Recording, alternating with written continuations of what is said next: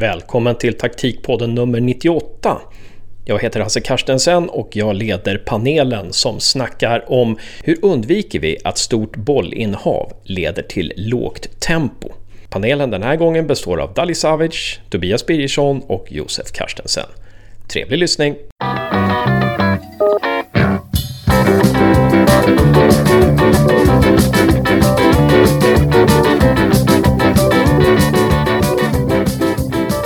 Välkommen till en till podd. Och den här gången så tänkte jag att vi skulle ta och prata om hur undviker man att ett stort bollinnehav blir detsamma som lågt tempo? När man läser intervjuer med tränare, kanske under de sista vad säger, fem åren, så har nästan alla tränare sagt att vi ska ha stort bollinnehav, vi ska bestämma, vi ska diktera villkoren. Jag känner att när jag tittar på fotboll, både i division 1 och i, i superettan, allsvenskan, damallsvenskan, elitettan, så känner jag att många av de här som pratar om stort bollinnehav, de drar också väldigt ner på tempot. Jag menar, okej, okay, det är jättelätt att ha bollinnehav om man står och passar i, på egen planhalva till höger och vänster och eh, spelar trianglar och så där. Det kanske är bra för man får vila och så, men många av de här som pratar om stort bollinnehav, de skapar väldigt lite. Då tänkte jag höra era åsikter här. Alltså, hur undviker man då att ha stort bollinnehav blir detsamma som lågt tempo och ett, ett passande i zoner som är helt ofarliga? Jag kan börja. Ja, Josef? Jag tycker du svarar rätt bra på din egna fråga. Vart har vi bollinnehavet? Varför ska man ha boll? Alltså visst, många tränare vill ha boll bara för att ha boll. Det är få gånger jag haft diskussioner där jag har hört att man ska ha boll i vissa områden i en hög procent. Det är lätt att få ett, ett bra bollinnehav om man bara passar runt i de zonerna som är bekväma och man inte får någon press i. Det är rätt bekvämt att ha bollinnehav ute i de yttre korridorerna för att där kan man inte göra mål. Frågan blir ju vart man har bollinnehavet och eh, på vissa ställen som man har bollinnehav blir ju automatiskt tempot högre. Folk pratar om att vi, vi vilar med boll. Har vi boll så, kan inte, så, så får vi vila med bollen och då får motståndarna i alla fall inte ha den. De, de gör i alla fall inte mål på oss. Eh, Dali? Ja, men, alltså, jag gillar ju bollinnehav, självklart. Men bollinnehavet ska ju leda till att skapa målchanser och i slutändan eh, göra mål och vinna matcherna. Det jag inte gillar är ju att det här bollinnehavet, precis som du inledde din fråga med, att ha den på egen planhalva i en speluppbyggnad. Jag gillar ju bollinnehavet på den etablerade eh, plan, eh, på motståndarens planhalva i ett etablerat anfallsspel. Och det är ju det svåra. Alltså hur ska man bibehålla ett bollinnehav på motståndarens planhalva där det är trångt, det är ont om tid, det är många beslut som ska tas, du ska ha en individuell skicklighet. Men allt det här ska ju leda till att hur skapar vi målchanser och hur ska vi göra mål? Bollinnehavet måste ju leda till målchanser, annars är det ingen idé att vi har ett bollinnehav. Jag tänker på det du säger, bollinnehavet ska ju leda till mål. Eh, ofta så får jag en känsla av att man kan gömma sig bakom eh, statistiken bollinnehav. Ja, vi vann bollinnehavet så vi borde ha vunnit matchen. Man ser, det är väldigt sällan man kollar på, i alla fall om man kollar ut i media, det är väldigt sällan man ser vart var bollinnehavet. Vart, har, vart kontrollerar man matchen? Är det, på, är det mellan eh, mittpunkten och straffområdet på egen planhalva? Eller är det mellan, eh, eller mellan på offensiv planhalva? Ja, bara flika in det här du hade att ett bollinnehav kan också leda till lågt bolltempo.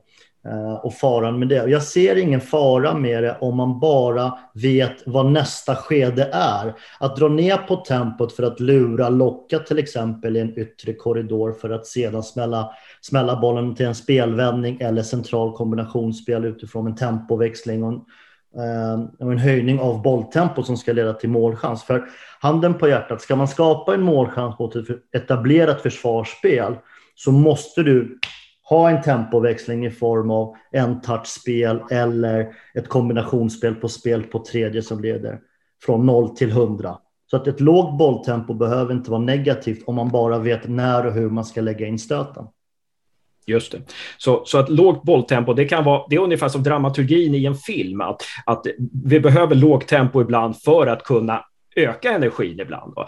Så, att, så att det krävs en tempoväxling. Och om det blir tempoväxlingar så i lågt bolltempo, då har det faktiskt en funktion. Jag tror vi hade Jakob Andrén som ungdomstränare i Elfsborg eh, med oss här eh, för några månader sedan och han sa det att många svenska lag, de håller på att rulla bollen i backlinjen. Jag vill rulla bollen i backlinjen. Det måste inte finnas ett syfte med att rulla bollen i backlinjen, sa Det måste finnas liksom att, att du letar efter vissa ytor. Du kan inte bara rulla bollen i backlinjen för att rulla bollen i backlinjen. Det tyckte han liksom att vissa svenska lag eh, ja, missbrukade den termen. Liksom.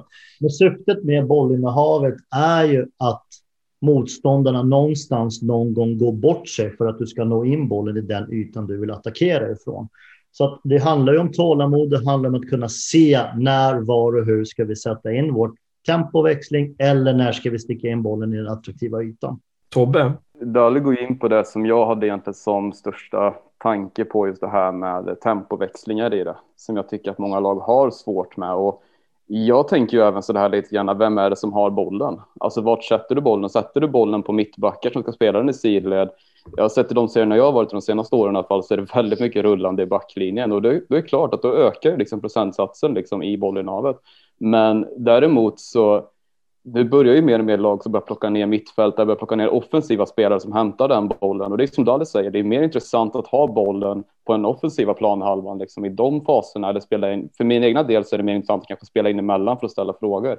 Men bollinnehav jag tror också på bollen av att ha den. Jag tror på den biten, men jag tror att vi behöver träna på just det här som Dali säger med tempoväxlingar i det. Vi behöver lära spelare att förstå när finns det en öppning att faktiskt sticka in boll eller ta sig fram. När ska vi växla därifrån? För det är ju den svåraste biten i det eh, egentligen.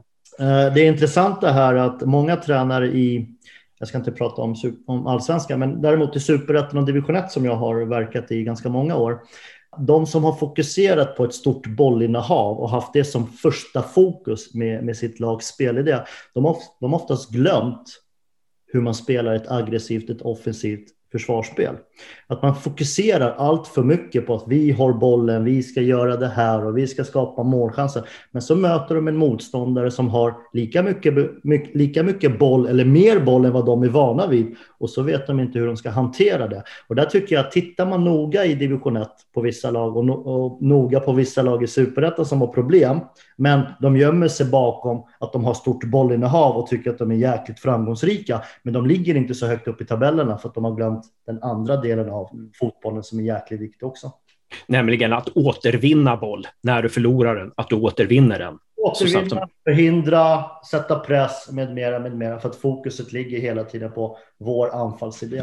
När man pratar om då att ändra tempo, byta tempo, att gå från lågt till högt tempo, eh, är det vissa ytor där det är mer fördelaktigt att här ändrar vi tempo? Eller finns det vissa triggers som kan få igång en där? Alltså här, det här är ett utmärkt läge för oss att byta tempo.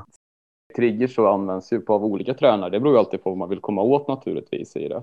Men jag menar, det finns tränare som pratar om att en rättvänd spelare i ska börja använda ytor men säg yta ett exempelvis, rättvänd mittfältare exempelvis. Det kan också vara en trigger för att här sätter vi löpningar, här gör vi någonting liksom i det. Det kan vara en trigger, men jag vet att framförallt så generellt så är det så att får du in bollen i mellan motståndare, mellan deras linjer, in där det är lite trångt, då kommer ju tempot att ökas, för det tvingas du ta ett snabbare beslut, ta snabbare touch på bollen. Och då kommer du också få en aktion av motståndaren som blir snabb och du kommer att snabbt få öppna upp andra ytor som, liksom du, hade, som du måste upptäcka. Så att det beror lite grann på, kan jag tycka, vad tränare vill komma åt naturligtvis. Men triggers jobbas det ju mycket med. I alla fall jag jobbar mycket med det. Jag vet inte Dali, men jag, jag gissar på att du också gör det.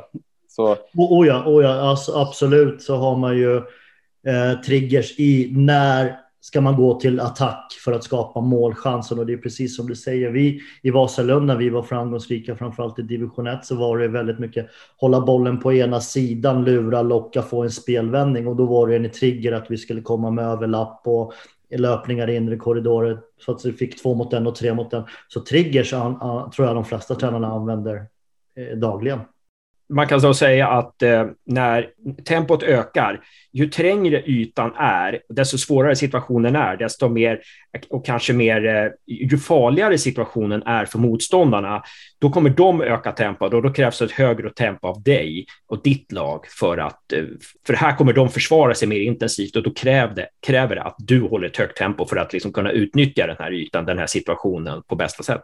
Ju närmare mål du kommer, ju närmare motståndarens mål du kommer, ju snabbare beslut måste du ta, för där är det ju skarpt läge.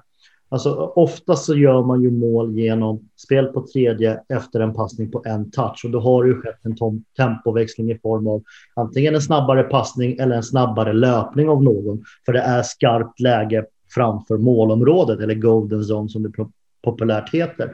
Och det är klart att alla, till och med försvarsspelarna i motståndarslaget, är ju mer på tårna för att förhindra målchans ju närmare eget mål man kommer än om man är ute vid hörnflaggorna. Det blir ju ganska logiskt. Mm. Tove? Nej, det var väl lite det jag skulle komma in på också. Dali sätter redan fingret på det så där och jag skulle väl mer komma in kanske också lite på vad tempo är för någonting liksom i det när vi pratar om just bolltempo. Det är ju inte alltid liksom hastigheten på bollen i de lägena utan det handlar ju mycket om beslutsfattning. Det handlar om löpningar runt om. Det handlar om de förutsättningarna som ges runt om också. Ifall det skulle vara så nu att det är lite unga spelare som lyssnar på det här och undrar vad är det vi menar med tempo. Så är det ju allt det där vi pratar om. Det var ju en väldigt viktig distinktion där som du gör. Och jag som lekman, jag tror att jag ser ofta tempo som bolltempo. Men det var ju intressant att du säger där att det, boll, det behöver inte handla om bolltempo utan det kan handla om ja, eh, när... Helheten i som ja. För du, med, du kan ju ha två mittbackar som står och smäller bollen mellan varandra i en jättehög hastighet, men det behöver mm. inte hända mycket mer för det. Så. Ja, just. Vår, vår målvakt har väldigt högt bolltempo när han, när han eh, bollar med den själv. Nej, men, men, eh, men bra. Tack så mycket för ert engagemang i det här avsnittet. Eh, jag har återigen lärt mig väldigt mycket. Någon som vill lägga till någonting som ni tycker vi har glömt? Nej, det var helheten här helt enkelt. Så det, det, här avsnittet kommer också bli en lärobok. Det finns inget mer att tillägga här. Och är det någon tränare någonstans i någon spansk klubb som tror att jo, men jag har någonting att säga. Nej, det har du inte, för det här var allt. Nu sätter vi punkt. Tack!